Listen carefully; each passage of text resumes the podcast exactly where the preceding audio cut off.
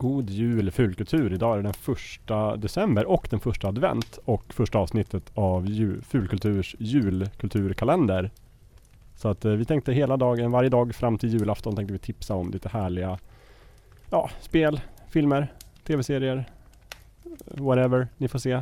Som vi eh, vill rekommendera, ungefär som ett vanligt fulkulturavsnitt, alltså fast mycket kortare och i tät följd. Det är så konceptet ligger. Eh, låter väl bra? Ja. Låter super. Yes.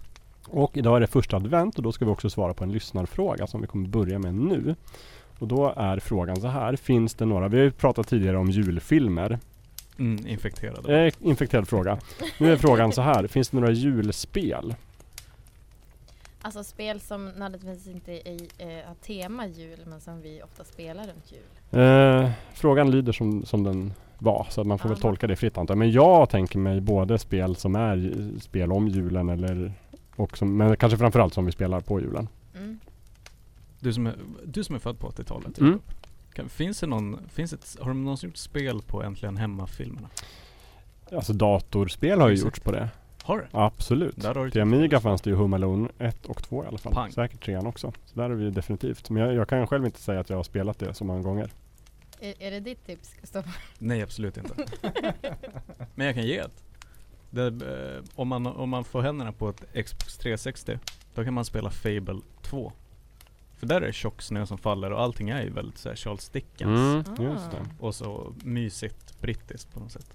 Så Mm. det är inte ett julspel per se, men ja, det är mitt tips. Ett spel att spela på julen i alla fall. Verkligen. Mm. Ja. Lövet, har du något?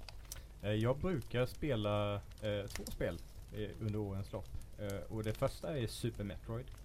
Eh, som jag gillar väldigt mycket sedan barnsben och eh, det är en viss speciell känsla att spela det till jul. Och det andra är Final Fantasy 7.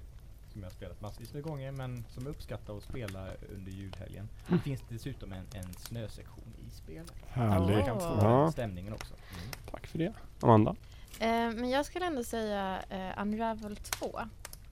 Man är ju en liten, liten... Eh, Är det Garnistan-spelet? Ja, Garnistan, ett rött litet Garnistan som ska leta sig igenom typ, eh, vad kan man säga, Norrlands eh, skogar. Ja, man blir jagad av en orre och grejer. Mm. Ja, allt möjligt. Och i Unravel 2 så ska man också, kan man också samarbeta. Eh, det är superduper mysigt att sitta med och det är också så här mysig musik och stämning och allting. Även om det kanske inte är jättemycket snö. Men det är fruktansvärt mysigt att spela tillsammans med någon när man har extra tid. Liksom. Mm. Holy shit, nu kom jag på. Alltså det ultimata julspelet. Det finns en, det finns en hemsida med flashspel Mm. som heter Original, tror jag. En sån galleri.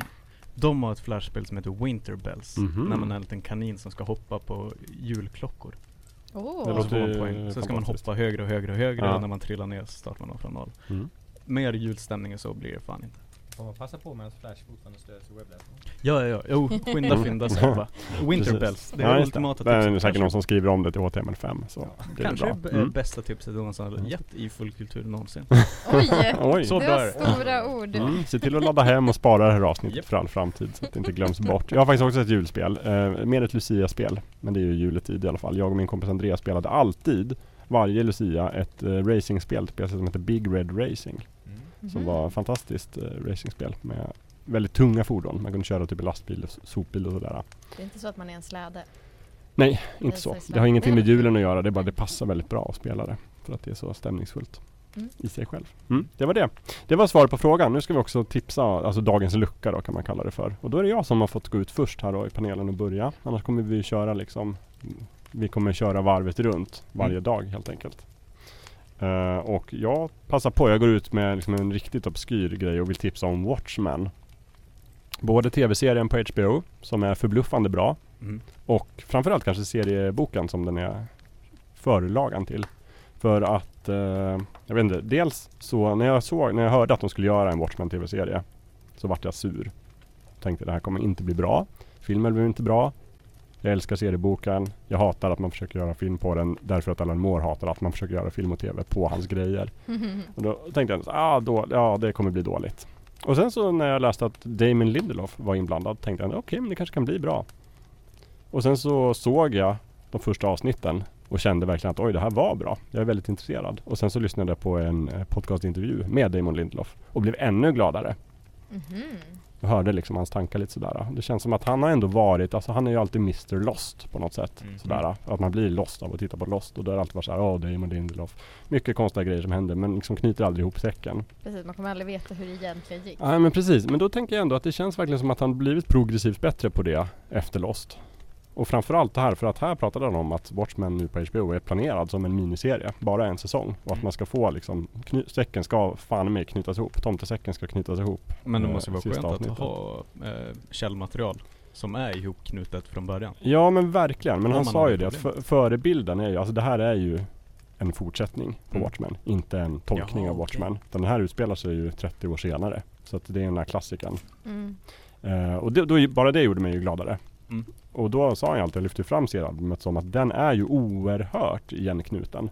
Den är liksom, det är ju lite det, den är uppbyggd som en klocka. Att det är 12 delar, varje del refererar till varandra. Eh, alltså den är så himla symmetrisk, hela den serien. Mm. Så att bara därför kan jag rekommendera att läsa serien. Även om man har kollat på typ en Youtube-sammanfattning. Om man inte har läst serien. Och vill ha lite så här före vad, man, vad som händer innan man kollar på serien. Så kan jag ändå läsa, rekommendera starkt att man sätter sig upp i en julfåtölj och läser eh, serieboken Watchmen av Mm. Alan Moore och Dave Gibbons. Mm. Jag tycker att, jag har också kollat på serien.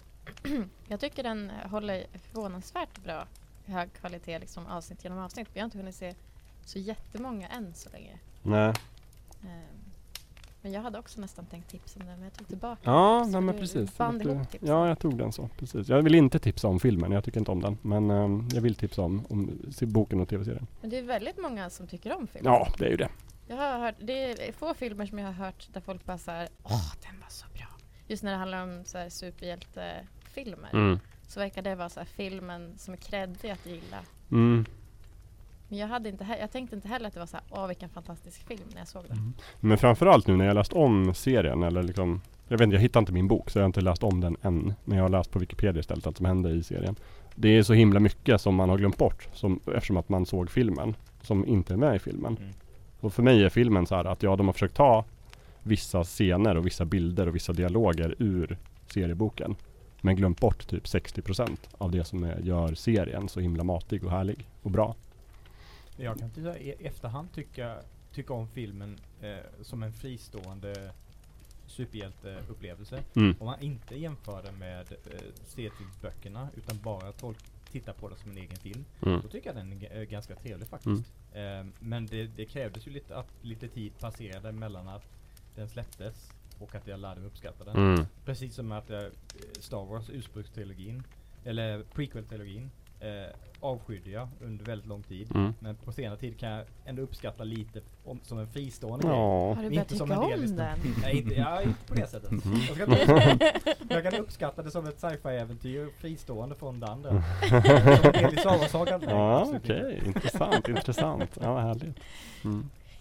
Provokativ. Nej men det är i alla fall, eh, tv-serien Watchmen är första gången på väldigt länge så är det en tv-serie som jag verkligen ser fram emot nästa avsnitt och tänker på när den inte sänds. Alltså jag går och tänker på veckans avsnitt och bara så här, hur hänger det här ihop och vad är detta? Och, Det är ett bra betyg. det är ett jättebra betyg. Den Ja. senaste tv-serien det var tror jag var typ Twin Peaks säsong 3. Ja, just det. Ja. Har du sagt Mm. redan var man hittar den? Man hittar den på HBO Nordic. Och eh, serieboken hittar man på sitt bibliotek eller på nätet. Mm. Alltså köpa på nätet såklart. Mm. Det var det. Det var lucka ett hörni. Nu, eh, imorgon kommer lucka två. Då börjar, nu, nu kommer det att rassla till. Jajamän. Varje Varje dag dag, komma ett ramlar in ett, ett kort men härligt eh, fullt avsnitt. Ända fram till jul. Ända fram till jul. Helt otroligt. Vilken ynnest. Mm.